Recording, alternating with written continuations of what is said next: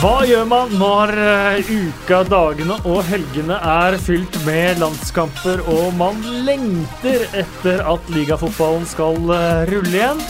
Da lager man en eh, ekstra podkast for å korte ned ventetiden, og vi titter fram mot runden som kommer til helga og mandag, faktisk. Vi skal titte litt på tilskuertall. Eh, Westham som lekker overalt. Hugo Lloris. Og så er det storoppgjør på Wembley, og en eh, åpenhjertig Troy Dini har eh, snakket litt om hvordan han har hatt det de siste par årene. Og vi diskuterer det intervjuet som han hadde med The Times i dag på fredag. Og nå har jeg samla søndagsskolen her, rett og slett. vi har lærer og kommentator Espen Ven. Nei. Og prest og kommentator Endre Olav Osnes. Endelig! Endelig. Endelig eh, fikk jeg lov å komme hit. Jeg har jo vært satt i karantene en stund nå av, jeg er ikke bare av deg, karantene, faktisk. faktisk, eh, i hundehus. Ja, men nå fikk jeg endelig tillit, så Ja. da skal jeg prøve å ta vare på den. Mm, hvordan tok du vare på det med å komme halvtime for seint, syns du? Jeg kommer rett fra jobb, da. Og Det er, eh, det er ikke bare bare å løsrive seg fra, fra faste oppgaver. Men eh, jeg fant parkering. Tar de utgiftene, og så skal jeg revansjere meg nå. Jeg skal revansjere meg med til, tilstedeværelse. Det er deilig, Endre Olav. Jeg tror det er mange som er glad for at du, eh, du er her, inkludert meg. Jeg er også veldig glad. Endelig i samme studio som Endre. Ja, første gang. første gang. Det er deilig. Ja. Eh, det er, ikke, er det Kjelsås-gutta, kan man si det, eller er det litt for harde bånd til uh, Årvoll? Nei, absolutt ikke. Det er, er uh, Kjelsås-gutta. Her sitter det faktisk uh, gutter med mange hundre Kjelsås-kamper, både på A-, B- og C-lagsnivå. Og M33-nivå. Hva Det er, M33? det er Allboys. Det, er heter det M33? M3, ja, Allboys. Allboys, Allboys. Ja. Eh, det er ikke Oldboys når Tottenham møter Liverpool som den første kampen eh, i morgen lørdag klokken 12.45 på Wembley. Og så går det slag i slag helt til Southampton og Brighton avslutter runden klokka 21.00 på eh, mandag. Eh, og når jeg sier 12.45, så er det da sendinga begynner. Kampen begynner eh, 13.30 mellom eh, Tottenham og Liverpool. Skal vi starte der, eller? Mm. For det er en dunder og brak-match. Absolutt. Eh, var det 4-1 det endte i fjor på Wembley til Det var Tottenham? Eh, Tottenhams eneste seier på de siste elleve mot Spurs, faktisk. Tottenhams eneste seier på de siste elleve mot Spurs? Mot Liverpool. ja, ja. Ja. Skal du gjøre deg vanskelig? Ja, jeg skal gjøre det vanskelig. Nå skal jeg skal få endret. Det var ikke, det var ikke sist gang eh, de møttes, det. På Wembley? Ja, på Wembley, ja. Ja. Men uh, det omvendte oppgjøret. Kan jeg bare komme med en kjapp historie fra det omvendte Mm. oppgjøret? Ja, gjør det. Ja, fordi, fordi da hadde jeg 150 kroner eh, på den eh, spillekontoen min, og så ser jeg at Wanyama står klar. Så tenker jeg ja, nå får det bare briste eller bære, så nå bare dytter vi de 150 kronene inn på Wanyama som neste målskårer. Og så kommer da, går det 40 sekunder, og så det er en eh, corner, og returen hvem er det som kommer inn i venstre billedkant og bare blåser ballen i krysset fra 35 meter? Det er Wanyama.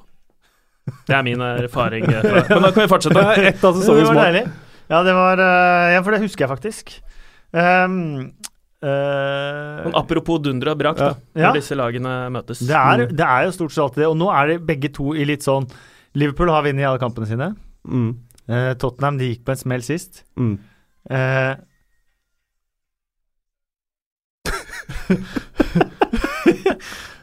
Det er noen som hadde på Spotify eh, mens vi holdt på. Eh, Det var egentlig bare en digresjon her. Ja. eh, men Tottenham de tåler egentlig ikke å i hvert fall tape den matchen her nå. Nei, jeg var, på, jeg var jo på Vicarage Road eh, forrige runde og var på pressekonferanse med Pochettino etterpå. Og han var eh, Da var han ganske krass altså, med egne gutter.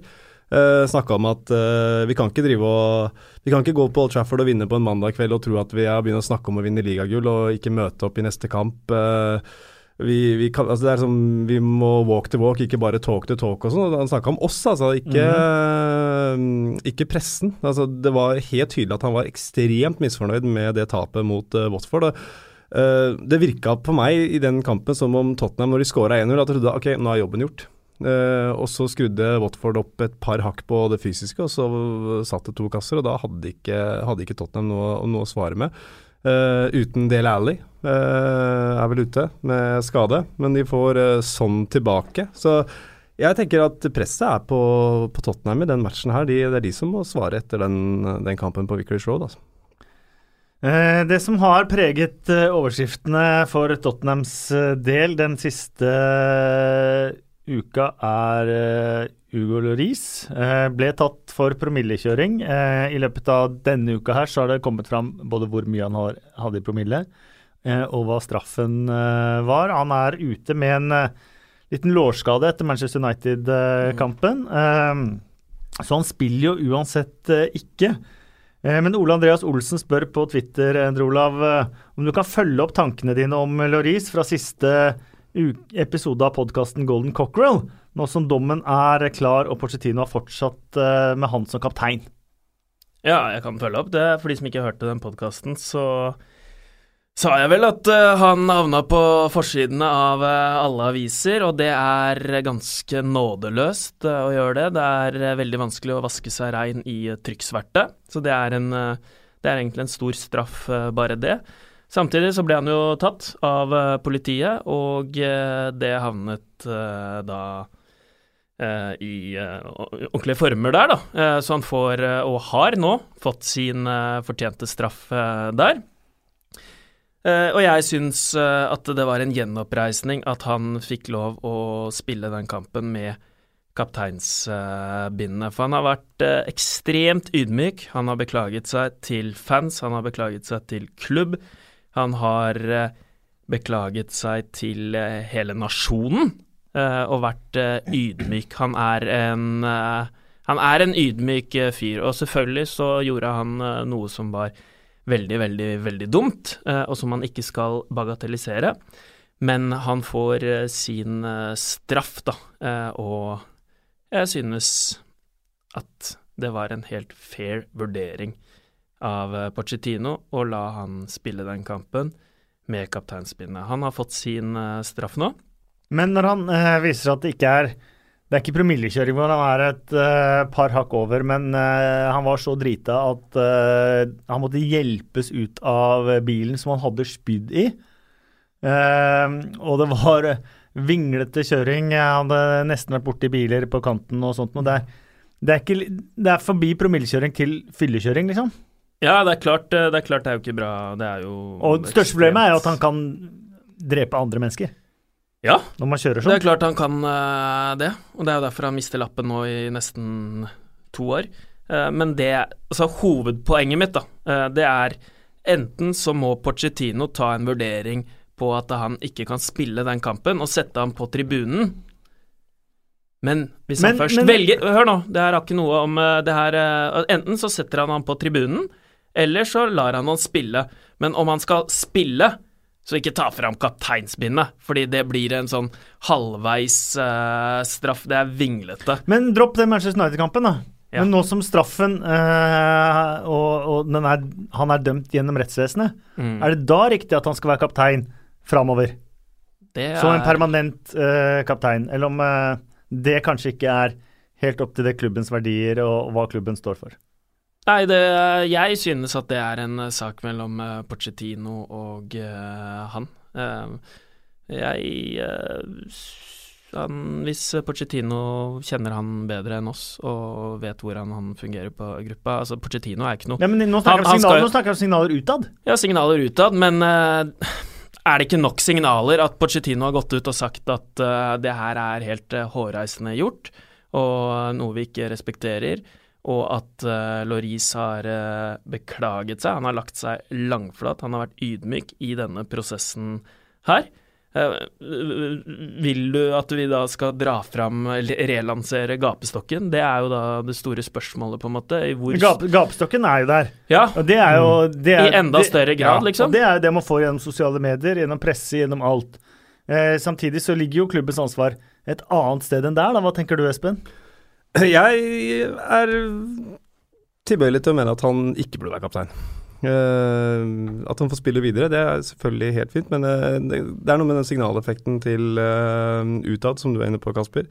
han kommer fortsatt til å heve den samme lønna, men å ha en, en kaptein skal jo på en måte være mer enn en bare Det blir iallfall den derre Kapteinen er viktig i England, sånn at uh, det skal være den som samler, uh, samler fansen og klubben og alt mulig sånt. Og da mener jeg at her sånn syns jeg det hadde vært riktig å ta fra Juris uh, kapteinspinnet. Så er enig med Endre også, at han, straffen er jo på en måte fått nå, men og jeg vet ikke om jeg vi kaller det egentlig en ytterligere straff ja, å, å ta fra en kapteinspinne. Det er mer en sånn konsekvens av at du kan ikke være kaptein, og du har jo Harry Kane i klubben, som vil være en helt ypperlig kaptein for Tottenham, og er jo den framtidige kapteinen til Tottenham, så vi kan egentlig bare fremskynde den avgjørelsen. Det er min mening. Ja, det, det, er, Hvis man først skal ta fra en kapteinspinnet, så må det være på en sånn vurdering. Mm. At uh, rett og slett uh, Kane er et bedre alternativ. Mm. Men som en, som en, straff så syns jeg det er vinglete. Det blir det samme ikke, som å si at vi ikke vi respekterer ikke, ikke det du har gjort, uh, men vi, vi, trenger deg for resultatene, og det er i hvert fall uh, Nei, fordi at, uh, fordi at kapteinspinnet handler kanskje ikke om straff, det handler om hva slags signal klubben vil sende ut. Men jeg syns jo Endre har godt poeng, men vi vet jo ikke hva slags uh, gruppe eller hva slags rolle Juris har i gruppa uh, som kaptein. Det kan jo være han er en helt fenomenal kaptein innad, og at Pochettino har tatt en vurdering på det. At uh, dette her er mannen som, som skal lede gruppa. Uh, og så har han jo gjort sin feil, men uh, Så jeg er på en måte litt på Jeg hadde heller nok mot at han strengt tatt ikke burde ha kapteinspinnet, men uh, kan ha forståelse for hvorfor han beholder det, da. under forutsetning av at han er at den rollen er veldig viktig innad i klubben. Men, set, men setter det Tottenham i et godt lys? Vi får anta, statistisk sett, så er det Tottenham-supportere som har mistet kjære, mm. nære og kjære pga. fyllekjøring. Ehm, det er noe som angår mange. Eh, det er, eh, det er uskyldige som har gått gatelangs eller sittet i biler og annet fredning i fare, som har blitt enten lemlestet eller drept av at folk i andre biler har drukket seg fulle og satt seg bak eh, rattet. Mm. Handler ikke dette om hva slags signaler man sender dem også? Jo, også, ikke, ikke, det sportslige i Tottenham? Liksom. Jo, um, så er det selvfølgelig det, det voldsomt uansvarlige aspektet her, men nå, nå, kom det vel fram, og det er ikke for å bagatellisere det, at han hadde jo ikke kjørt kjempefort. Uh, det hadde vel gått i, i sneglefart. Uh, ikke at det er noe formildende omstendighet, men det er en faktor her, det også. Så han har liksom ikke satt seg inn og kjørt i 150 000 km på motorveien, selv om det er veldig veldig fort. da. Uh, men det har gått, uh, gått sneglefart. Altså, uan, men uansett da, hvordan man vrir og på rett så sett deg i en taxi, liksom. Det, det har, du har ingenting bak rattet å gjøre. Har råd til det. Det er, det er jo det, det, er største, som, ja. største, spørsmålet her. er jo Hvorfor ja. i alle dager tar han ikke taxi? Ja. Han hadde vel bestilt en taxi, og så kom ikke den. Og så ble han lei av å vente. Var det ikke det som var, uh, var greia? Hvis jeg har eh, lest uh, rett. Uh, folk får arrestere meg på Twitter. Nei, men, altså, ja, vi får bare Kasper, konkludere med det. Men det er, det er kjempedumt av Loris, men jeg savner en sånn større ydmykhet fra samfunnet, da. Når man mm. sitter utenfra og ser inn, så er det veldig, veldig enkelt uh, å dømme, mm. og verden er ikke svart-hvitt. Det er uh, gråsoner her, og det er et menneske i midten av det hele, da. Mm. Uh, Liverpool de tar sikte nå på å vinne sin femte strake kamp fra fra seriestart. Det vil i så fall være den tredje gangen de gjør det i den øverste divisjonen. De gjorde det i 78-79 og i 1990-91. Um, ehm, er dette tidenes mulighet uh, for uh, Liverpool? Uh, jeg vet vi er tidlig, men vi har snart spilt Vi har vel spilt 10% av sesongen allerede? ja, ja og nei. Um, du har Manchester City der, da. Så, så lenge Manchester City er der, så er det ingen som har tidenes mulighet til å vinne et ligagull. Da må vi til april, tror jeg, for å sjekke hvordan det ser ut da. Men det er klart de har fått en, en kjempestart eh, på sesongen. Eh, har jo kanskje ikke imponert sånn voldsomt spillemessig, egentlig. Eh, men imponert nok eh, til at eh, jeg mener at sesongstarten er, er meget god. og det var interessant mot, uh, mot Leicester at, at, Klopp valgte å vrake Nabi Keita. Jeg tror han går tilbake til uh, sin opprinnelige startoppstilling denne sesongen her uh, mot Tottenham, med Veinaldum som den, den dype midtbanespilleren.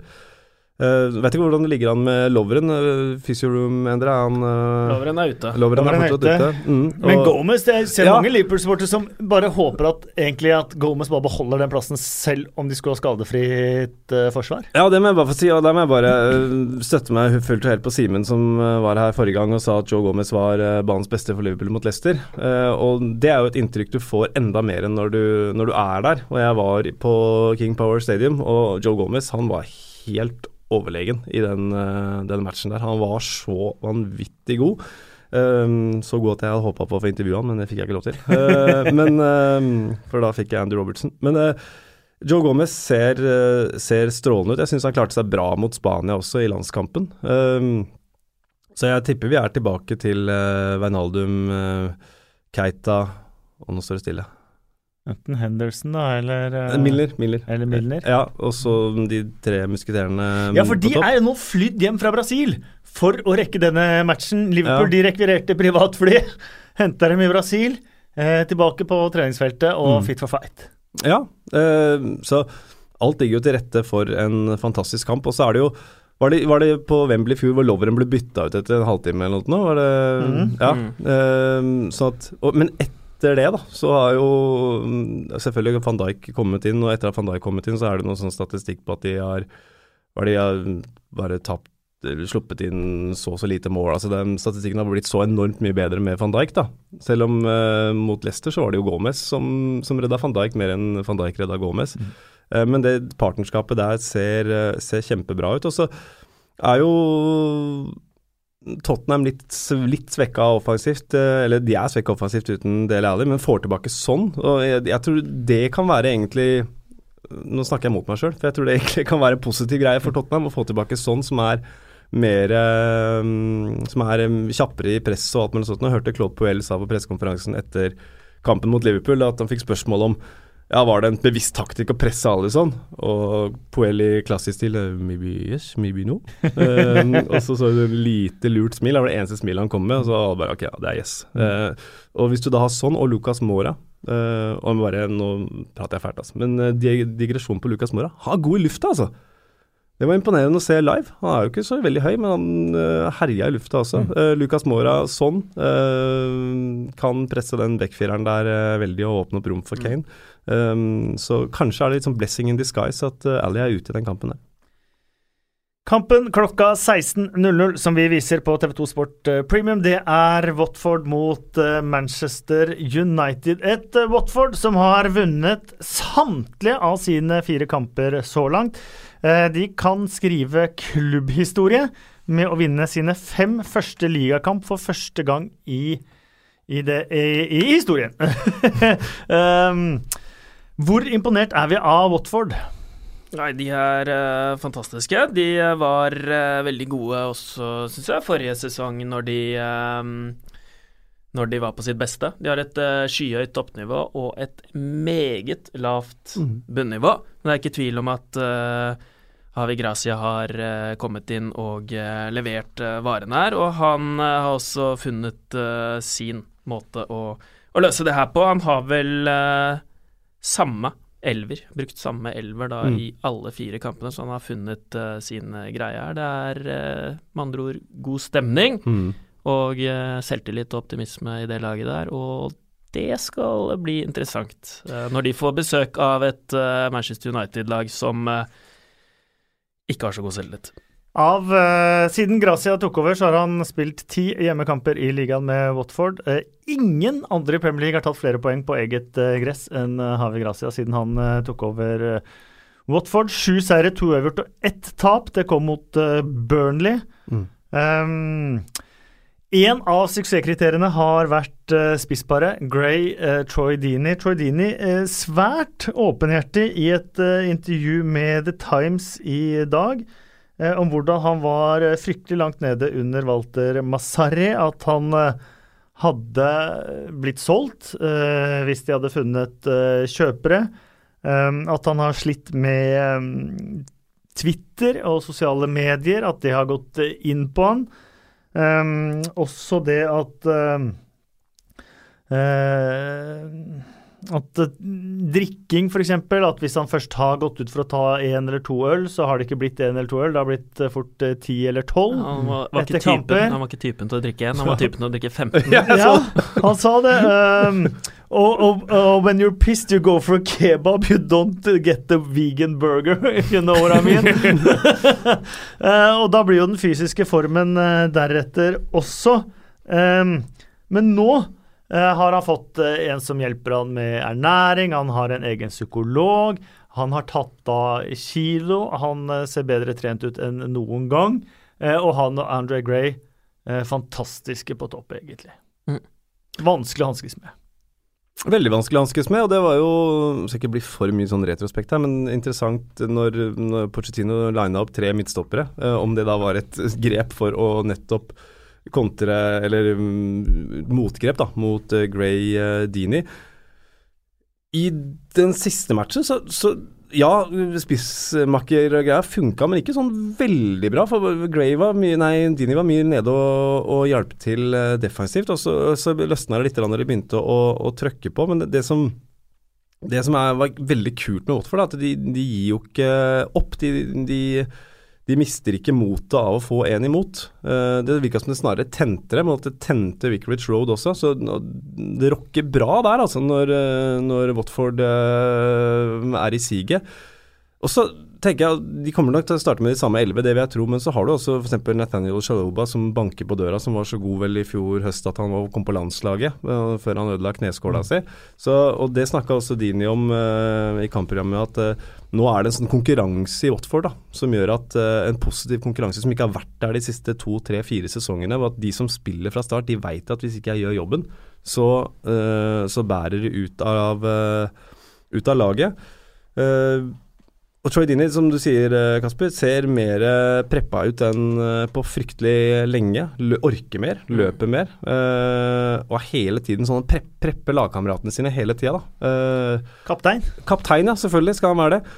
Uh, I fjor så gikk det jo liksom litt ned etter det berømte Cojones-sitatet mot Arsenal. Bare de har ikke Cojones, og så etter det så gikk det egentlig litt uh, på dørken for både Silva og Dini. For han, han var jo ute i kulda under Silva også. Så har vi Gracia, tror jeg er mye av grunnen til at Ja, han, han sier jo det faktisk med Marco Silva, at eh, det skapte stor usikkerhet i spillergruppa. eh, dette med Everton-ryktene og sånn. og Mm. At spillergruppa gikk rundt og tenkte at «Hæ, du har ikke lyst til å være her allikevel, Mm, så vi gir litt faen. mm, Eh, utrolig ærlig. Han fikk jo også spørsmål om Coronas-sitatet, om han angra på at han sa det. mm. Eh, no, because it was my opinion. Ja. Ja, det, det er, eh, det er styrket hans, eh, men eh, også Havi Gracia har jo kommet inn med, med disiplin. Eh, var det, vel, det var vel i Watford eh, spillerne selv skulle eh, bestemme bøter, og så skulle Gracia komme inn med straffeutmålingen, og da var det ganske sånn rasende økonomiske straffer, da, for eh, per minutt man 100 eh, pund per minutt man kommer for seint. per minutt, og da sa Dini at noen ganger sitter man jo i trafikken, og da går tiden veldig, veldig fort. Da. Så det er klart, det sier jo noe om eh, Gracia. Han har kommet inn med, med disiplin.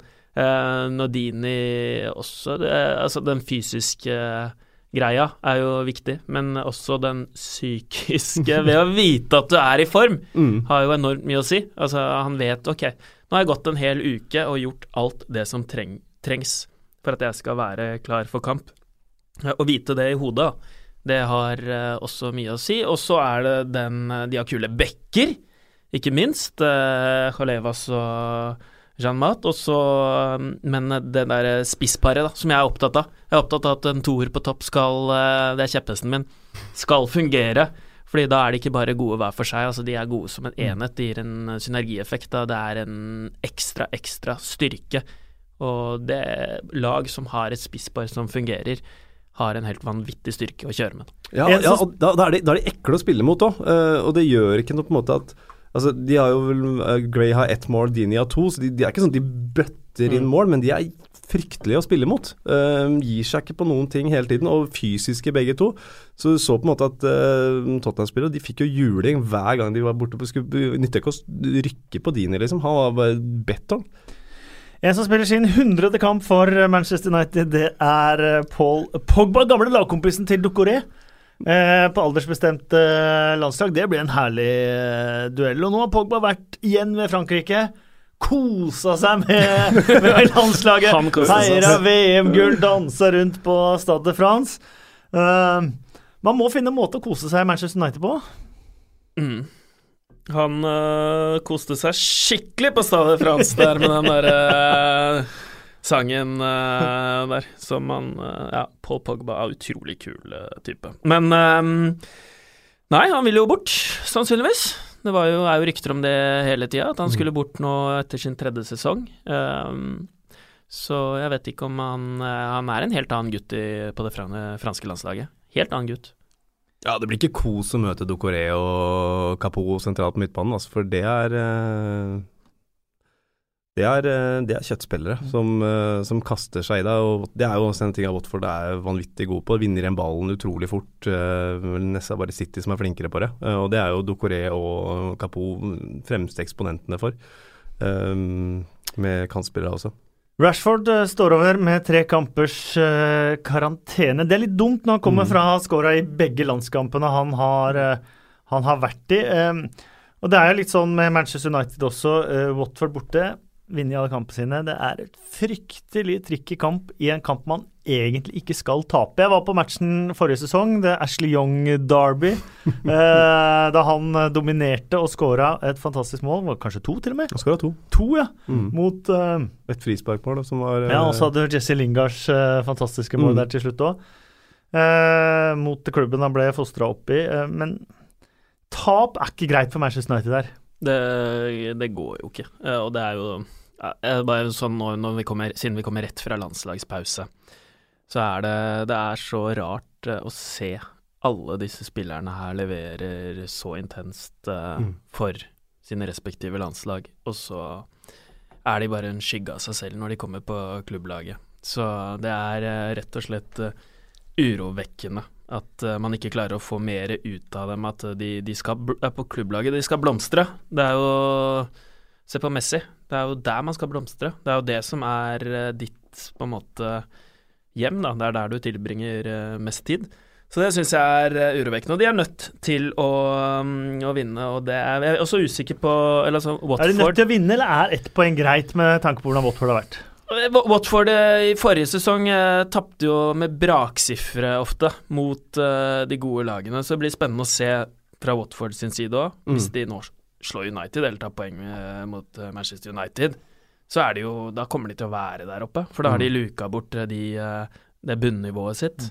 Men um, Nei, et lag som Manchester United skal og bør alltid gå for tre poeng, spør du meg. Mm. Um, Watford uh, var tippa av mange til å rykke ned, faktisk. Nå har de en tredel av poengene de trenger for å holde seg, om det heter fire kamper. Da har de 34 kamper på skaffe de to eh, siste tredelene. Og sa jeg at dette var 16-kampen, så var det helt feil. Det er selvfølgelig 1830-kampen på lørdag. For 16-kampen på lørdag, det er Newcastle mot Arsenal. Og eh, Mesut Özil spiller sin 200. kamp for eh, Arsenal. Hvis, han ikke er, han- hvis han ikke er syk. Hvis han ikke er syk, fordi sykdom og skader har gjort at han aldri har spilt på St. James' Park før. Ja. Eh, Det er et ugjestmild stille å dra, så kanskje han bare blinker seg ut sånn nordøst Det Ja, passer det, er, ikke. det er ingen i Premier. League som har vært mer syk enn uh, Messi Nei. eller stått over flere kamper pga. sykdom. Mm. Uh, men uh, Nei, men, uh, men vi- vi passer, ikke- vi- passer han inn i å spille for Unai Emery? En Unai Emery før denne matchen har vært veldig klar på at det gjør han. Mm. Han kan spille tier, han kan spille ute på kant, eh, og han gjør den jobben som, eh, som, eh, som han blir satt til. Eh, men dette er pressing-gamet til, til uh, Unai Emery, så har ikke Mesut Özil sett uh, Jeg syns ikke han har passa inn i den, da, så langt. Hva sier dere? Nei, han uh, Jeg har veldig sansen for Øzil. Ekstremt sansen for han. Jeg syns han er en utrolig elegant spiller, en fin spiller å se på, som jeg, jeg nyter ofte hvert sekund. Men uh, han har ikke vært helt seg selv i det siste, og det er jo, det er jo rykter, selvfølgelig. Men uh, at han rett og slett sliter eh, Han stormet jo av en trening her, og, og at han sliter Men han skal ikke ha noe problem med Una Emery, men han sliter med psyken og, og er deprimert. Men dette her er rykter. Men det gir jo litt forklaring også til at han kanskje ikke har kommet så veldig godt i gang i år, da. Men han har jo også en spillestil som gjør at eh, i noen lag så kan, er han verdensklasse. Eh, mens hvis han Mm. f.eks. da skal gjøre all den jobben uh, med å presse, presse, presse, presse som, som Unai Emery krever, da. Mm. uh, så kanskje ikke det passer han så godt. Ja, de, de løper jo enormt mye, men, men det er Emery sin oppgave å få han til å passe inn. Jeg mener Mesut Özil er en spiller som bør kunne passe inn i alle lag, så da får heller noen rundt han løpe litt mer, da. Bernt Mm. Leno, kommer han til å få sin debut? Han bør jo det. Eh, altså, klokkene ringer for Peter Sjekk nå. Eh, det er jo, jeg skjønner jo at det stiller spørsmålstegn. Vi bruker, hva er det, Han kosta nesten 20 millioner pund, han Bernt Leno. Eh, nå har ikke jeg sett han så mye, men et av tingene som de som følger Bundesliga sier, er at han, han er god med beina. Han er god med beina, men han ja. er litt dårlig med det andre, for det er i hvert fall det jeg har sett. Ja. Litt dårlig, dårlig med henda. Han er eh, ekstremt eh, Eller ja, han er dårlig med beina, rett og slett. Og at de skal være Petter Sjekk, ja. Ja, Mm. ja, ja, ja. Og at det skal være så dogmatisk at de skal spille seg ut bakfra med Peter Cech på laget. Det ser rett og slett litt uh, rart ut. Og han var uh, Jeg syns ikke han var god nok til å spille for Arsenal i fjor. Uh, og han er ikke Han ser ikke noe Nei, nei. Han ser ikke noe bedre ut i Nei, år. det er på tide med et uh, keeperbytte der. Mm. Eh, Arsenal har ennå ikke holdt eh, nullen i eh, Premier League, eh, men Newcastle de har ett poeng. De har ett poeng. Har de hatt uflaks nå, kampene? 1-2 mot uh, Ja. Spurs, 1-2 mot Chelsea. Um, ja. I åpningskampen mot uh, Tottenham i forrige sesong, så var de uh, De var ikke i nærheten. I hvert fall ikke etter at Shelby ble utvist. Eh, åpningskampen i år, da så jeg et helt annet Newcastle-lag som den ballen fra Fertongen, den var ni millimeter over streken, og de hadde to treff i aluminiumet. De skulle i hvert fall hatt ett poeng der. De skulle Burde kanskje til og med hatt tre poeng. Så, så da tenkte jeg det her er Newcastle-laget, det er jo mye bedre enn forrige sesong. Eh, men så Men man er avhengig av momentum, da. Og når de får den utrolig svake starten eh, de har fått, så er det jo eh, tungt. Nå møter de jo mye topplag, det har de jo Mm, gjort i mm. åpningen, hatt en veldig tøff start. Men at de da ikke klarte å mobilisere mer mot eh, mot eh, Cardiff, da. Det var eh, litt urovekkende. Så det her skal bli tøft for et Newcastle-lag som har tapt de ti siste oppgjørene mot uh, Arsenal, å klare det her. Uh, og at de kan få sin Arsenal går jo da for å få to borteserier på rad for første gang siden mai 2017. Såpass, ja. Det er såpass, ja. For de hadde jo grusom vår her. Ja. Eh, bortetap og bortetap og Mm. Wolverhampton mot eh, Burnley er første kampen på søndag. Et eh, Wolverhampton som har imponert oss på mange måter. Spillemessig tok poeng mot Manchester City, fikk seieren sin sist. sist. Um, spiller med masse selvtillit, og det koker på Molineux nå. Og det har det gjort i et drøyt år, siden Nuno Espirito Santo kom inn som eh, manager. Så har jo bare Mm. entusiasmen bare økt og økt og økt og økt, helt til nesten er på et klimaks nå. Jeg tror det Mm. må være av de, en av de arenaene i Premier League hvor det er best atmosfære for tiden. Vi Møter et eh, Burnley som overraska alle forrige sesong, men som har hatt en skikkelig Europaliga-kvalik-tung start Mm. på Premier League-sesongen. Ja. Joe Hart sa det vel også, selv om altså, han ville ikke kalle det en unnskyldning, men han sa at vi er slitne uh, etter, uh, etter Europaliga-kvalik. Hvor de, og det er jo Det syns jeg kudos til Burnley. De prøvde virkelig. De prøvde virkelig å komme seg inn i Europaligaen. Det var ikke noe sånn herre eh, Å ja, vi gjorde det bra forrige sesong, og så får vi Europaliga-kvalik, men nå er, det, mm, nå er det Premier League som gjelder. Ref litt sånn som Westham gjorde for et par sesonger siden, hvor de var spilte B-lag og sånn. Så men det at jeg på si motsatt av høste fruktene, det får de betale Det får de, har de fått svi for innledningsvis i Premier League-sesongen. Denne oppholdet da, med landslag kan ha gjort dem eh, godt. Eh, jeg ser allikevel Wolverhampton som kjempefavoritter i den kampen der, og Burnley er vel egentlig der vi trodde de skulle være nå, for da vi trodde de skulle være for to-tre sesonger siden, og alle tippa dem ned. Eh, Jeg tror Burnley kommer til å få det kjempetøft den sesongen der. Eh, Det skal litt til å hente seg inn igjen etter, eh, etter en sånn start. Og ja, det ser liksom ikke det er, det er liksom ikke det samme Det er ikke tenna først når de kaster seg inn foran skudda lenger, syns jeg det har vært eh, til nå denne sesongen her, da. Men det kan, det kan forklares. Jeg syns uh, Europaligaen er en meget valid og uh, god forklaring på Mm. at det har gått uh, dårlig. De har spilt Europaligakamp uh, eh, tre Europa League-kamper før fire av de eh, Premier Mm. League-kampene. Og det ser vi jo på tall. Altså, det er jo forskning på det her, det er jo data på det her. At eh, lag som er ute i Europa, spesielt av Europa League, hvor det er eh, mindre hvile, de tar ganske mange færre poeng enn eh, de gjør hvis det ikke hadde vært det. I tillegg så har de jo eh, spisser, da. De har fire spisser som ikke har skåret. Det er kanskje mer urovekkende. At Mm. de har fire spisser fordelt på 540 minutter som eh, ikke har skåret et eneste mål. Du nevnte Westham. Hull rykket vel ned Mm. eh, den sesongen de hadde Europaliga-kvalik eh, Mm. først. Um, Wolverhampton, da. eh, de har jo imponert eh, voldsomt, eh, og, da, og det er jo ikke overraskende med tanke på de som så Championship forrige sesong. Syns du de har imponert voldsomt, Kasper? Jeg syns spillemessig så har de imponert voldsomt. Det er kamper her mot Everton, så syns jeg de hadde egentlig fortjent å vinne. Mot Leicester hadde de definitivt fortjent å vinne, selv om de tapte 0-2. Eh, det var jo et ran, nærmest, hvor Wolverhampton hadde alt mulig, både av spill og sjanser. De tok poeng hjemme mot Manchester City, og så slo de Westham eh, borte. Eh, og den som kanskje har imponert mest for meg, er Ruben Neves. Ja, han har jo levd opp til de forventningene mm, vi som kanskje ikke så like mye championship eh, forrige sesong, men hørte ryktene og så lite grann og tenkte ok, hvordan skal dette her gå? Og, og kanskje sperra øynene litt opp når han gikk til nettopp Wolverhampton da Mm. forrige sommer. Eh, hvorfor gjorde han det her? Uh, det virker jo som en, uh, en veldig god karrierevei da, å komme ned på det ned, eller ned på championship-nivå.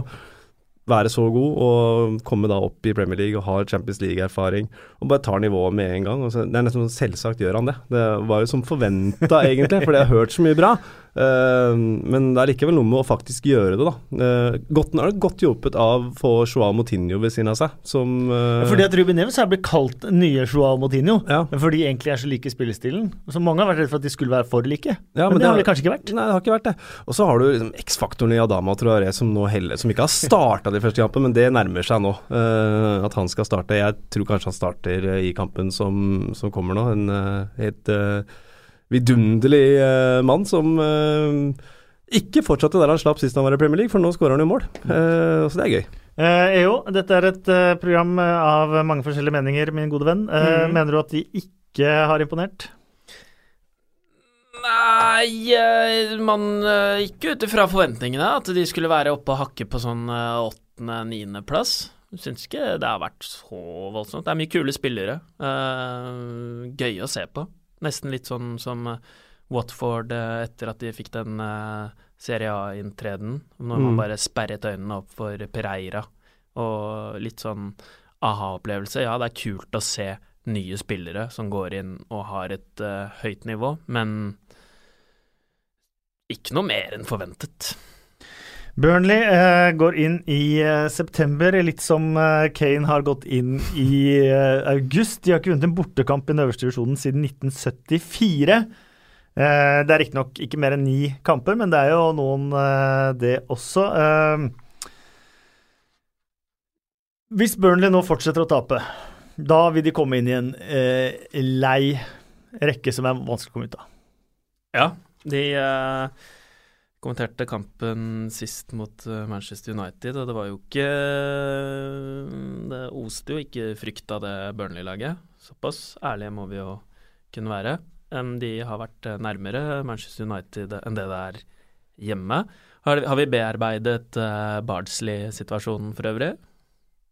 Nei, den har vi ikke bearbeidet Jo, det, vi snakket jo om den i forrige podkast, Ja. Bardsley-Rashford, ja. Ja, Ja. ja. men da den kvitterte ut. Den er kvittert ut, ja. Det var ganske sterke meninger der og, på at de ikke fikk samme, samme straff, ja. Ja. Ehm, så da kan vi gå til uh, den siste kampen på søndag. Det er Everton mot uh, West Ham. Eh, Everton, eh, nyhetene i dag er at eh, de kan i verste fall bli trukket poeng, fordi at de ikke klarte å bli enige om noe skal vi kalle det forlik, eller, eller enighet med Watford. uh, angående hvordan de prøvde å hente Marco Silva forrige sesong. De har vært i en dialog der lenge. Everton prøvde seg med å betale overpris for Richarlison og tenkte at det skulle dekke over, uh, dekke over litt. Um, eh, men det har de ikke gjort. Betalte de Eh, overpris for Charlison? Nei, det er jo det andre poenget. da. Ja. Fram til Richarlison viste seg for Everton, så kalte man det overpris. Ja. Eh, kanskje smart pris. Eh, Farad Moshiri også i ferd med å ta enda mer av kontrollen over mm. klubben. Kjøpt opp eh, enda ytterligere prosent. Eh, men eh, Everton eh, fått en eh, ganske forventet bra start på sesongen. Eh, litt for mye uavgjort, men ennå ikke tapt. For Westham sin del så er det sånn at vondt blir verre for hver gang man eh, taper. Flere negative saker kommer. Eh, BBC hadde sak i går eh, hvor de har undersøkt tilskuertall. Mm. Hvor tilskuertallet til Westham ikke var eh, i nærheten av eh, det snittet som de har oppgitt, men eh, det reelle tilskuertallet og mer enn 10 000 færre per kamp Mm. enn det de har oppgitt. De er i konflikt, stor konflikt med landlord, altså eierne av stadion, med tanke på leie. Ehm, de eh, Det stilles det stilles spørsmål rundt eh, Pellegrini, eh, som da eh, litt unormalt fikk ansette sin egen sportsdirektør. Eh, signeringene de stilles det spørsmål rundt. Eh, og man har i tillegg lekkasjene til eks-VHU-employee, som ved de siste 60 Westham-kampene har lagt ut rett lagoppstilling for Westham dagen før kamp. Eh, og det sies at han legger ut riktig lagoppstilling på Twitter før spilleren en gang veit laget. Hm. Dette var mye på en gang for et lag som har null poeng i Premier League. Det er, Men det er jo eh, sånn de negative effektene kommer. Hadde de hatt tolv poeng, så hadde antageligvis Mm. ingenting av dette her vært saker. Ja, det er, eh, det er jo helt uh, Det er jo fullstendig krise. De slipper jo inn flest mål. De har, har ikke holdt eh, målet rent en eneste gang. De har nest flest eh, Tar imot nest flest skudd på mål. Og ja, det er, eh, det er jo Lyspunktet her er jo Arnautovic, vil jeg kanskje si.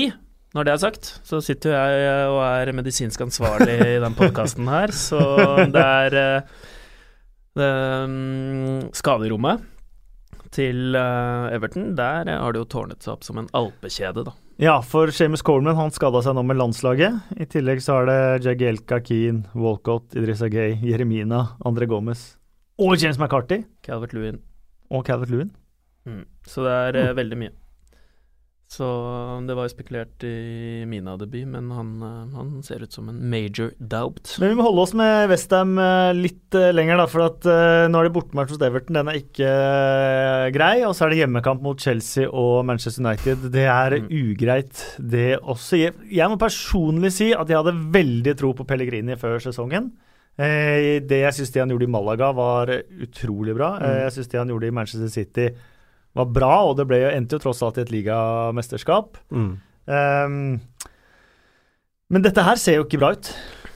Nei, det gjør ikke det. Og bare sånn et lite apropos lyspunkter. Lukas Fabianski har vel vært det største Leeds-posen, og det mm. sier jo sitt. Eh, keeperen, som har vært eh, Westhams beste til nå, for et lag som da um, ikke holder buret reint og slipper inn mål eh, i bøtter og spann. Men eh, jeg Pellegrini jeg har fortsatt troa på det. Altså. Eh, Jeg, eh, det er jo et voldsomt kampprogram han har fått i, i fleisen. Eh, Men de to hjemmekampene er ikke voldsomme. Nei, jeg veit det. Det er det som er problemet. Det er liksom Du har Bournemouth og Wolverhampton. Wolverhampton, ja. Eh, hvor, mot Wolverhampton Jeg skal ikke, si de var uheldige, men de hadde sine sjanser. Rui Patricio var veldig bra i den, eh, den matchen der, så der kunne de fort fått med seg noe.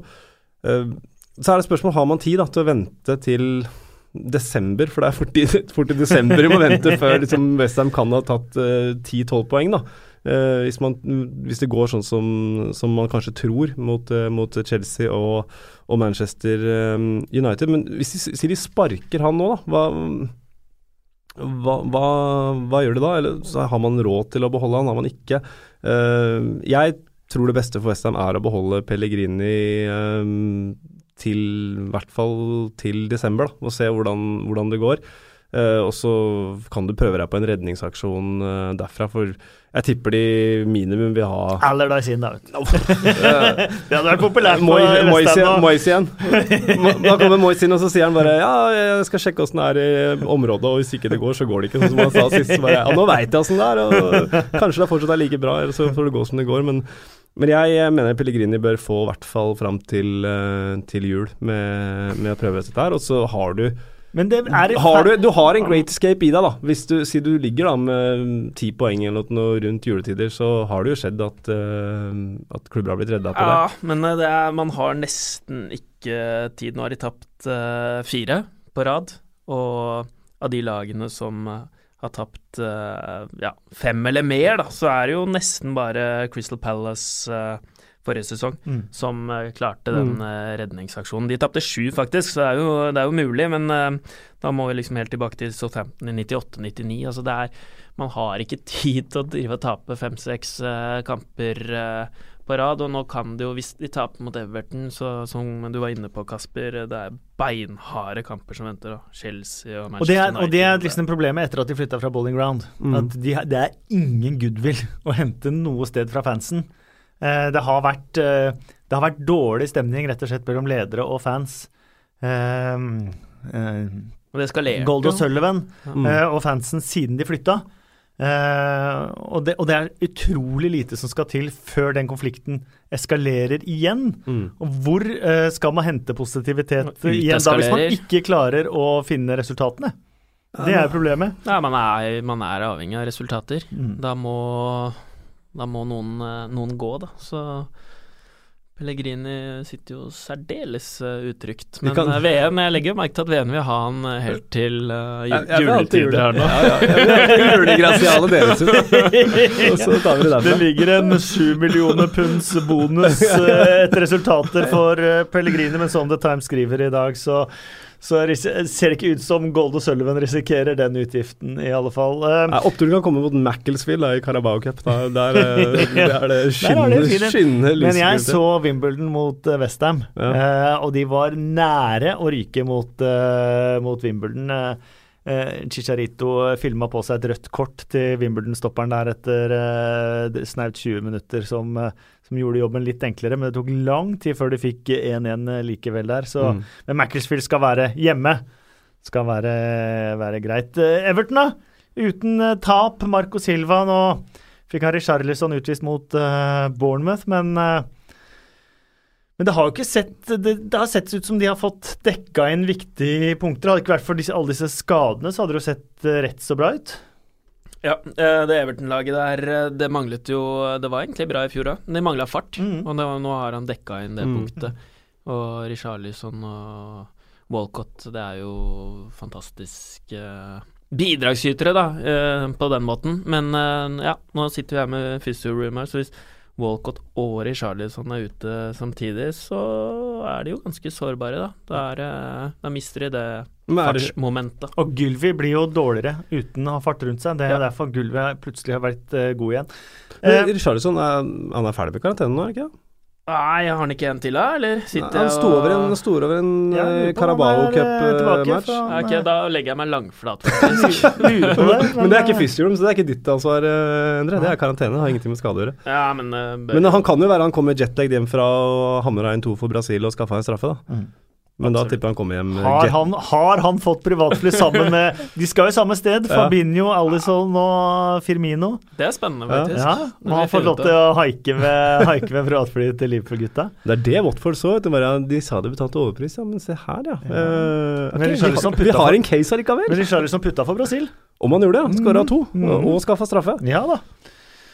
Um, på lørdag klokka 16.00 så har vi også Manchester City mot uh, Fulham. Sona ferdig, tror jeg. Ja, sorry. Manchester City Fulham.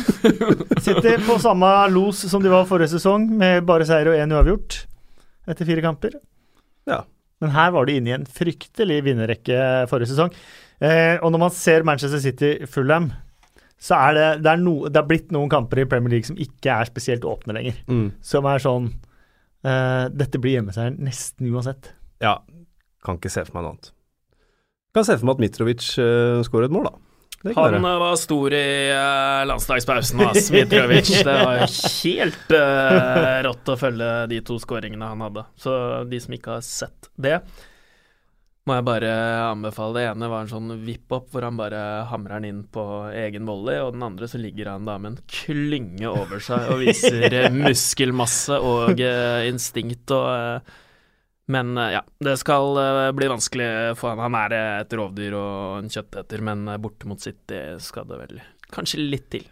Eh, når det er sagt, så må vi si at eh, det er klassespillere inn hos uh, Fulham. Seri Mm. har eh, virkelig på det kanskje som har imponert mest, Mm. Eh, men Angissa har eh, sett eh, bra ut med flere. Ja, Shirlo begynte å komme i gang. Ja, definitivt. Eh, ser veien lang ut for Stefan Johansen fortsatt, eller f når får han sjansen? Det hadde vært litt synd egentlig å få sjansen i denne. Mm.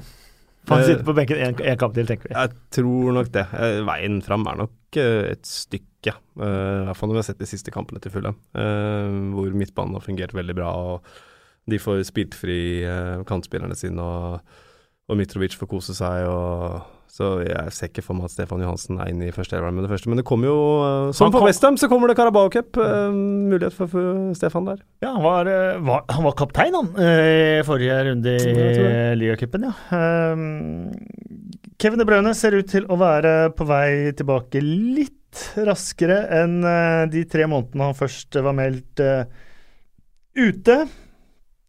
Doktor Kugat er, er mannen som eh, hjelper disse gutta her til å bli fort eh, friske, han er eh, flink. Pep Guardiola vil gjerne avslutte karrieren der det startet, med U-laget til Barcelona. Ligger vel Mm. litt fram i tid, det får en tro.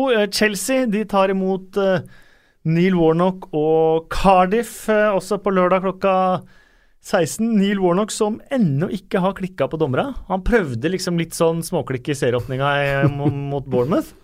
Og så har han eh, egentlig sagt selv at nå er han blitt for gammel. Ja, veldig. Han, er- Det er bare, han er man føler at det er en sånn trykkoker som bare Ja, ja. venter på å eksplodere. Ja, han er, eh, han er så vanvittig kul type. Og bare det han Altså, han går ut og sier det, og han, eh, han skulle han, han bare koser seg med å få sjansen igjen som, eh, som manager. Og så skulle de prøve å eh, få eh, resultater, mens I enjoy myself. Altså, han, er- han er jo bare Ja. Det er en mann vi faktisk eh, Det er et friskt pust. Jeg kunne vært enig med deg, vet du, Endrola, men, eh, men jeg blir uenig når, når, når han drar fram de usjarmerende sidene av seg, som f.eks. mot Wolverhampton eh, forrige sesong, hvor han klikka på Nuno Espirito Santo. Uh, he, he's gotta show a little bit class. ja, det kommer fra rette R.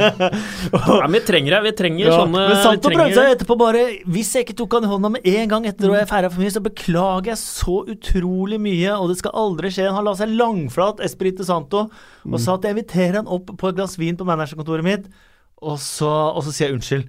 Uh, hvorpå da Warnock svarte at han skulle ikke, av alle ting i verden han skulle, så skulle han i hvert fall ikke opp og drikke et glass vin. Nei, han ville ha pint, ikke sant. Så han ikke ha vin. Neil Warnock skal ikke ha vin. Det nekter jeg på. Det er i beste fall en strongbow, liksom. Uh, Chelsea da, under Sarri. 100% record det òg. Og, uh, om vi skal tro Sarri på at de skal bli gode om tre måneder, Ja, da blir det så må jeg si at da ser de ganske farlige ut. De ser, da ser de jo fryktelig skumle ut. Eh, og Cardiff hjemme er jo klink hjemmeseier. Jeg kan ikke tenke meg noe annet. Du var inne på det med City full, Det er, du har noen som bare blinker seg ut. Uh, men det er bare, jeg klarer ikke å slippe Warnock. Ja. Det er som, som du sa, Endre, at han, sånn, han skjønner ikke at han er her. Han bare, hva, hva gjør jeg her i Premier League? Hvordan skjedde dette? Uh, jeg er tilbake, liksom. Bare, så han går rundt og gliser helt til det klikker. Da. Jeg, jeg gleder meg Han til det har jo klikker. rykka opp en del ganger til Premier League tidligere, men aldri klart å holde en klubb oppe. Enten han har fått sparket midtveis, eller så har rykka ned. Um, Jeg kan ikke se for meg at han fullfører sesongen her heller. Uh, jeg elska sitatet hans etter at han fikk sparken i QPR. I take the full responsibility for, where, for the position this club is in. mm. The Premier League. Men uh, det er sånn apropos Warnock, eh, så er jo Sarri jo en litt sånn kontroversiell type. Mm. Um, jeg eh, Altså, nå høres jo altså, Ja, de får stå til ansvar for sine handlinger, eh, alle, men um, jeg syns det gjør eh, Premier League-hverdagen rikere å Mm. ha de managertypene her. Og det Mm. De er kanskje ikke så veldig politisk korrekte alltid, Nei, men Sarri har jo eh, beklaget en del både kvinnefiendtlige og homofobe ja. uttalelser som eh, det, er et, det er en flekk på, Mm. På hans uh, renommé, det syns jeg absolutt. Eh, så får vi se hvordan han klarer seg nå. Han går rundt og tygger på sigarettfilter når han ikke kan røyke. Uh, noen Eh, Det er jo enkelte eh, engelske Premier League-spillere som snuser, har fått det fra skandinaviske lagkompiser. Kan- Kanskje burde introdusere han til snus. Ja, han burde jo Ja, det er ikke for å reklamere for snus, dette her. Altså, det er egentlig bare for å eh, Kanskje det er bedre enn å røyke 60 om dagen og ikke få røyke på sidelinja. Men, nei, ja, ja, men jeg, altså, han, er, han har gjort eh, mye rart. Men utrolig uh, flink manager. Mm. De resultatene han har, og måten han spiller på. Og nå begynner de å få mer og mer skikk på det, det defensive. Og det har vært eh, haltende defensivt. Men de vinner jo kamper allikevel, og det blir bedre og bedre. Så de har på en måte spilt seg i form uten å ha tatt skade av det, i form av å avgi poeng. Så det Chelsea-laget her, det er eh, oppe og nikker, og det er, det er Han har tatt seg litt sammen, og nå han har mye mm, gode sider òg. Altså, han har mye Absolutt, fantastiske mye Bare måten han sitter på pressekonferanse og, og smiler, og han har en karisma og sjarm. Eh, Chelsea fikk jo juling eh, mot Burnley hjemme forrige sesong i serieåpninga. Man ser jo kanskje litt for seg at det er litt det Cardiff-laget de, de møter eh, nå, som kan herje de litt? Nei. Ok, Nei, bra. nei. Vi snakker to ord om Ethan Ampadu, eh, som fyller 18 år i dag. Gratulerer så mye med dagen. Han er A-landslagsspiller for Wales nå. Han er jo et stort talent. Eh, hans tidligere manager i Exter, han spilte jo A-lagsfotball i Exter da han var 15 år.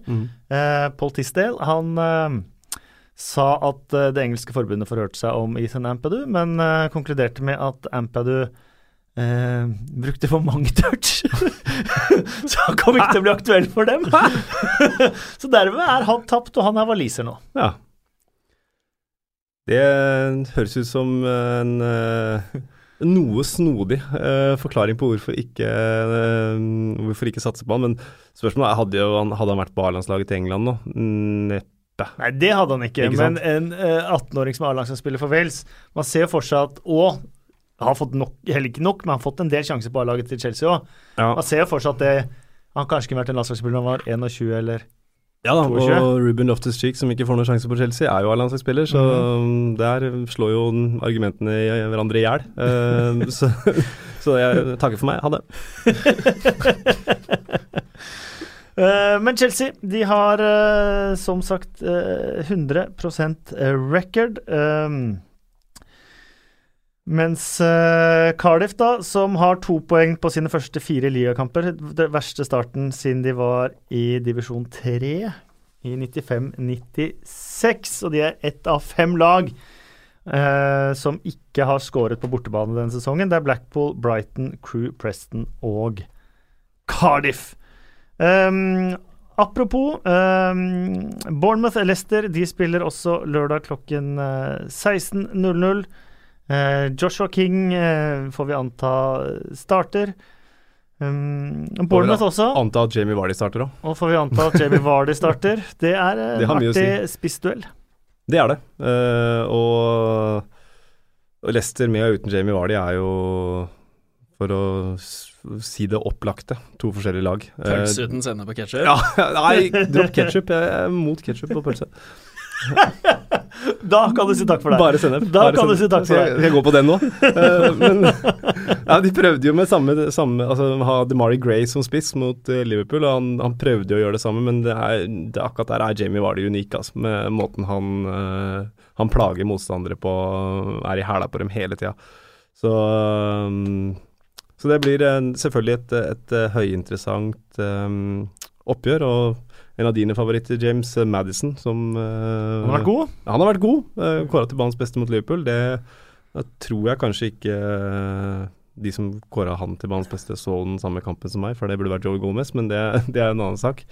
Um, Jeg ble kåra til banens beste av en sånn uh, jury hos hjemmelaget. Så er det kanskje ikke så rart. Nei, men han fikk den der Premier League eh, Ja, ja, ja, ja, fikk Ja, den Premier ja, League, ja. beste Premier League. Den var han akkurat passe uinteressert i, det kan jeg love. Jeg snakka med han etter kamp. Men eh, et poeng her eh, til den kampen er jo altså Bournemouth sin desidert beste spiller denne sesongen er Fraser. Han, Mm. eh, han skal ha late fitness-test. Så det er eh, et eh, moment eh, Han er ekstremt viktig for dem. Eh, Når vi var inne på King, så jeg blir bare mer og mer imponert av han. Mm, eh, helt enig. ferdigheter eh, med ball, måten han tar vare på ball på Han er eh, Han har blitt en skikkelig god Premier League-spiller. Og det jeg føler jeg også kommer noe av hvordan han er uten ball. Eh, ekstremt flink til Mm. å vinne ball høyt opp i banen. Han er hadde, hadde vi hatt hockeyassister i, i Premier League, så han har hatt uh, veldig mange assister. Han er Mm. ofte tredje sist på ballen uh, fordi han vinner, spiller fram, så kommer assisten, så kommer, uh, Mm. kommer målet. Utrolig god på, på det. Virker som han og Eddie Howe, det er den perfekte match, egentlig, og han er hjemme, rett og slett. Mm. Mm. Og så er det en av styrkene til Bournemouth òg, som du er inne på, Henrik, at eh, liksom Ryan Frazier, som har vært en av de desidert beste, at han, hvis, om han ikke skulle spille, da, så, så er det Bournemouth-laget der så, så satt. da, altså de veit så godt hva de skal gjøre, at den som eventuelt kommer inn, vil gjøre omtrent en tilnærma like god jobb, da, selv om han har vært litt sånn X-faktor. så det, det føler jeg med Bournemouth, at hver gang én spiller en X-faktor, og han blir bortleder, så kommer det en annen en som, som blir en X-faktor. Mm. Uh, så så det er en av de tingene som imponerer meg mest med den, den klubben der. Og Lerma fikk sin eh, debut eh, sist. Mm. Eh, og, og skal vi ikke glemme heller at eh, Bournemouth er eh, Det gjør ikke så mye om de blir liggende under, Nei. har det vist Det er en fordel, det. ja. Eh, den dagen de begynner å skåre det første målet, så blir de eh, virkelig farlige. Men sju poeng på de første fire er en god start. Mm. Så har vi jo eh, kjøttoppgjøret eh, Huddersfield eh, Crystal Palace. Et Huddersfield som fortsatt ikke imponerer meg i veldig stor grad, mot et Crystal Palace som har fått en litt sånn derre Eh, lei start på sesongen, og Hodgson han var vel ute nå og advarte etter siste match nå at vi må ikke tro at vi, er annet, at vi skal gjøre noe annet Mm. enn å eh, overleve. Eh, og bli flottere på det enn eh, det. Sist gang så spilte jo ikke Wilfried Saha. Da ble det tap, som det har blitt alle kampene forrige sesong Mm. hvor han ikke starta, så tapte de samtlige. Um, tok alle poengene sine Mm. uh, med Saha fra start. Um, han også Og er vel Saha i balanse. Ja, han er vel også på late fitness, uh, fitness der. Mm. Med, med Crystal Palace så var det um, vel vant i uh, Brede Hangeland Derby i serieåpningen. Ja. Og så var de gode mot Liverpool. ja. Og da tenkte sikkert eh, mange med meg at ja, det her er det samme Crystal Palace-laget som vi så på Mm. Og så kom kampen mot Watford, som, eh, hvor, jo Benteke skal skåre både to og tre mål. Men uh, da hadde Harry the Hornet sørga for at Wilfried Zaha var uh, ute av balanse uh, fram til eh, Ikke bare han, da. Nei, nei, ikke Eh, det skal sies at det var det Kapo som skulle vært skulle vist vært rett ut. Ja og de kjørte han hardt i den matchen der, altså. Ja, men det er ufint. Det er ufint, men en god spiller må takle det. Eh, så jeg, jeg syns det er litt alarmklokker som ringer for, Mm. eh, for Palace. Jeg tror det er viktig at Hodgson nettopp samler dem i den mentaliteten der at eh, ok, vi var gode på vårsesongen, da fløyt det, men eh, vi må tilbake dit. Mm. Kan, ikke, kan ikke tro at vi, vi skal være et topp ti-lag uten å måtte krige for det. Men nå er jo Ja, Benteke er ute. Ja, Da er vel bordet kanskje dekket da, for uh, det kan være dekket for Sørloth. Vi får håpe det er dekket for Mm. uh, Sørloth. Er Kanskje en perfekt kamp for Sørloth også på, på mange måter. Mm. Um, skåret i sin eneste start denne sesongen uh, ble matchvinner borte mot uh, Swansea. Um, forrige gang, så, da Saha var ute, så valgte han Jordan Ayu inn. Mm. og valgte å fortsette med Mm. Benteke. Um, vi ser også at Lagerbäck velger Mars Johnsen istedenfor Sørloth på landslaget. Er det, hva er det med Sørloth som gjør at uh, managerne er litt uh, tvilende til han? Nei, eh, det med Lagerbäck tror jeg det bare er at uh, Mars Johnsen passer inn i systemet hans. Mm. Og Men de er han, han skal ha rolle men de er ganske like, da. De er duellsterke, de vinner mye på huet.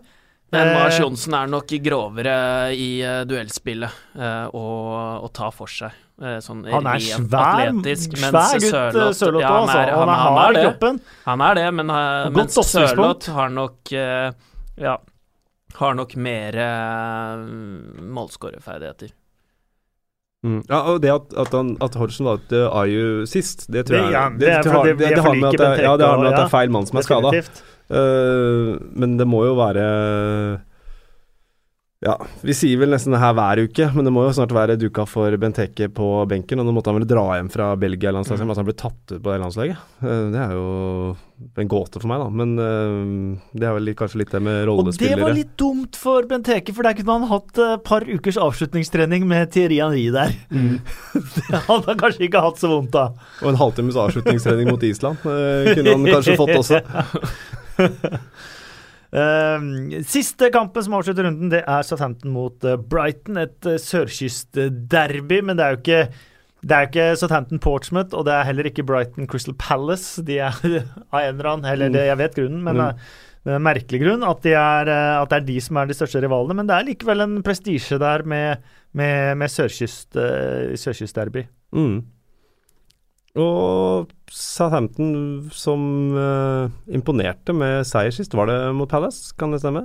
Uh, Danny Ings og Høibjerg som scora. Det kan tror stemme var, veldig godt. Tror det var, uh, tror det var Palace. Palace. Veldig overraskende at de vant den kampen, i hvert fall uh, for meg, som har liten eller ingen tro på Marcus. Men uh,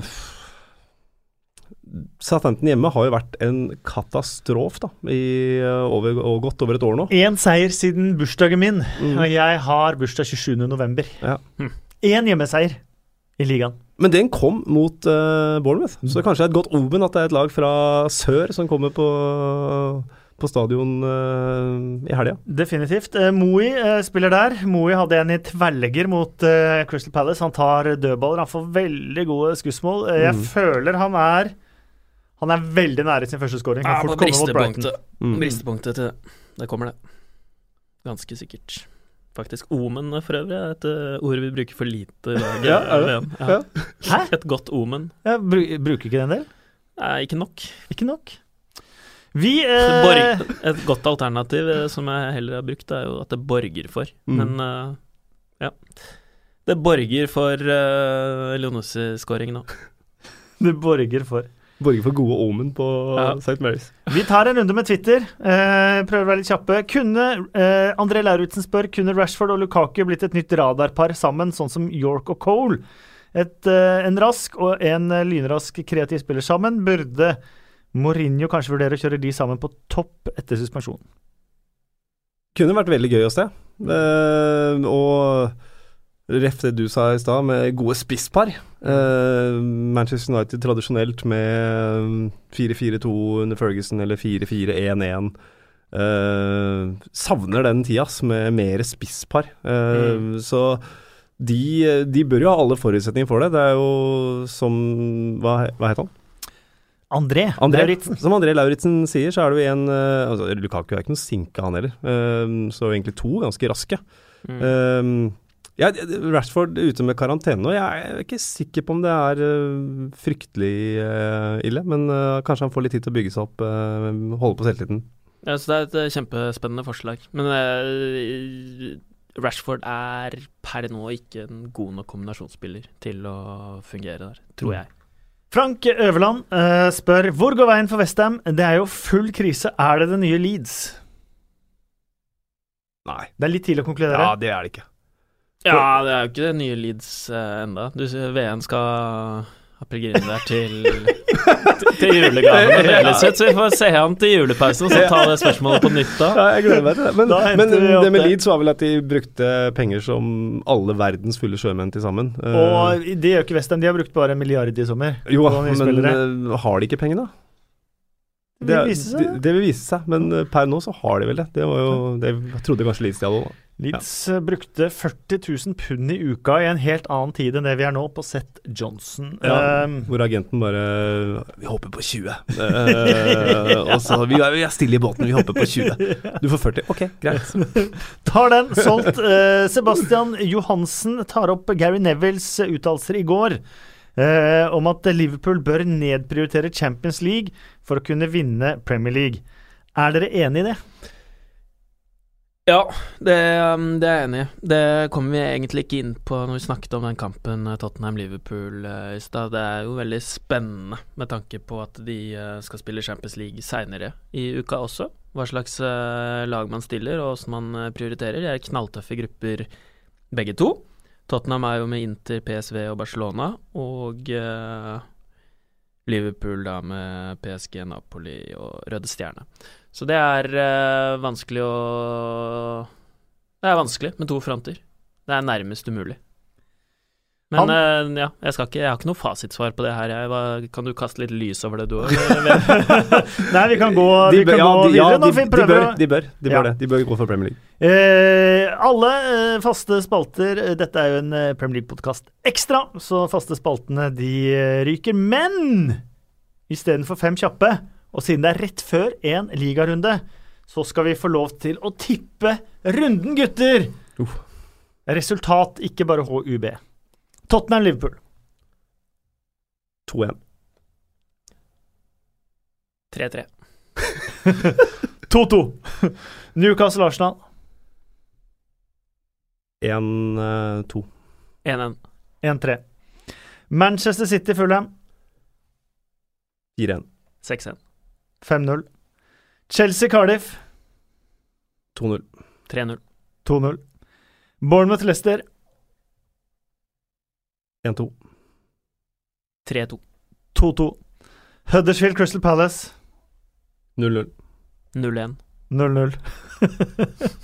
Hæ? Ble ikke det hovedkampen? Fatte det. Watford Manchester United 1-3. 2-3. 1-1. Wolverhampton Burnley 4-1. 4-2. 3-1. det ble mye mål. Everton Westham 1-1. Um, 3-0. Pellegrin til jul. 1-2. Oh, ja, du tror på Pellegrin, du òg. uh, og så uh, sørkystderbyet Southampton-Brighton 0-0. 2-1. 2-0. That's it. Um, for deg som uh, hører på, så må jeg bare si at uh, jeg ønsker deg all mulig hell og lykke med laget du holder med. Uh, håper det vinner. Uh, hvem enn du enn holder med. Minner altså om at på tirsdag og onsdag neste uke så viser vi Champions League på våre kanaler. Um, TV-oversikten over kampene og alt, det finner du på tv2.no. Og så har jeg sett at det har blitt veldig smått med ratinger og kommentarer inne på iTunes. eh, Det har tørka opp, så vi ville satt ekstremt pris på Uh, Og nå må jeg legge til gode ratinger. Altså hvis du Mm. syns podkasten var ræva, så kan du bare drite i å gå inn der. Men hvis du syns den var bra, og hvis du syns Endre Olav burde få være med i flere podkaster, uh, så stem på Endre Olav inne på kommentarfeltet på jeg får ikke lov til det. iTunes. Jeg får ikke lov. Ja, men Få se hva lytterne syns, da. Ja, men det var vel en middels lag på jobben for meg. Jeg følte dere, dere var sterke, men eh, Men ja. Jeg, jeg, til du, du som er misfornøyd, så lover jeg å være hakket hakke hvassere neste gang, uansett. Og hvis du ikke orker å gå inn på iTunes for å legge ned kommentar eller rating eh, der, så kan du finne oss på Twitter. 2PLpod eh, heter vi der. Um, uh, og da kan du også rate Endre Olavs innsats, om vi bør ha han med videre eller, eh, eller ikke. Jeg uh, syns du gjorde en fantastisk innsats i dag, Endre Olav, og har veldig lyst til å ha dem videre, men eh, Det er ikke- mine hender er bundet, vet du, hvis eh, lytterne Markedet styrer. Markedskreftene. Veldig hyggelig med deg også, Espen. Takk. Eh, og så har vi jo en eh, debutant eh, i dag. Eh, Håkon eh, har jo lagd denne episoden eh, her for moderne media. Det er jeg veldig eh, takknemlig for. Hva gleder du deg mest til i helga, Håkon? Eh, jeg holder jo litt med United, da. Så jeg må kanskje få med det. Håper på bra resultat. Det er godt å ha Håkon eh, her, for Felix, eh, Felix hadde ikke ant hvem som hadde spilt, selv om han sittet og sovet seg gjennom den eh, timen her. Takk skal du ha, Håkon. Takk Moderne Media, og takk Espen og Endre Olav. Og ikke minst takk til deg som hørte på, og lykke til med laget ditt i helga.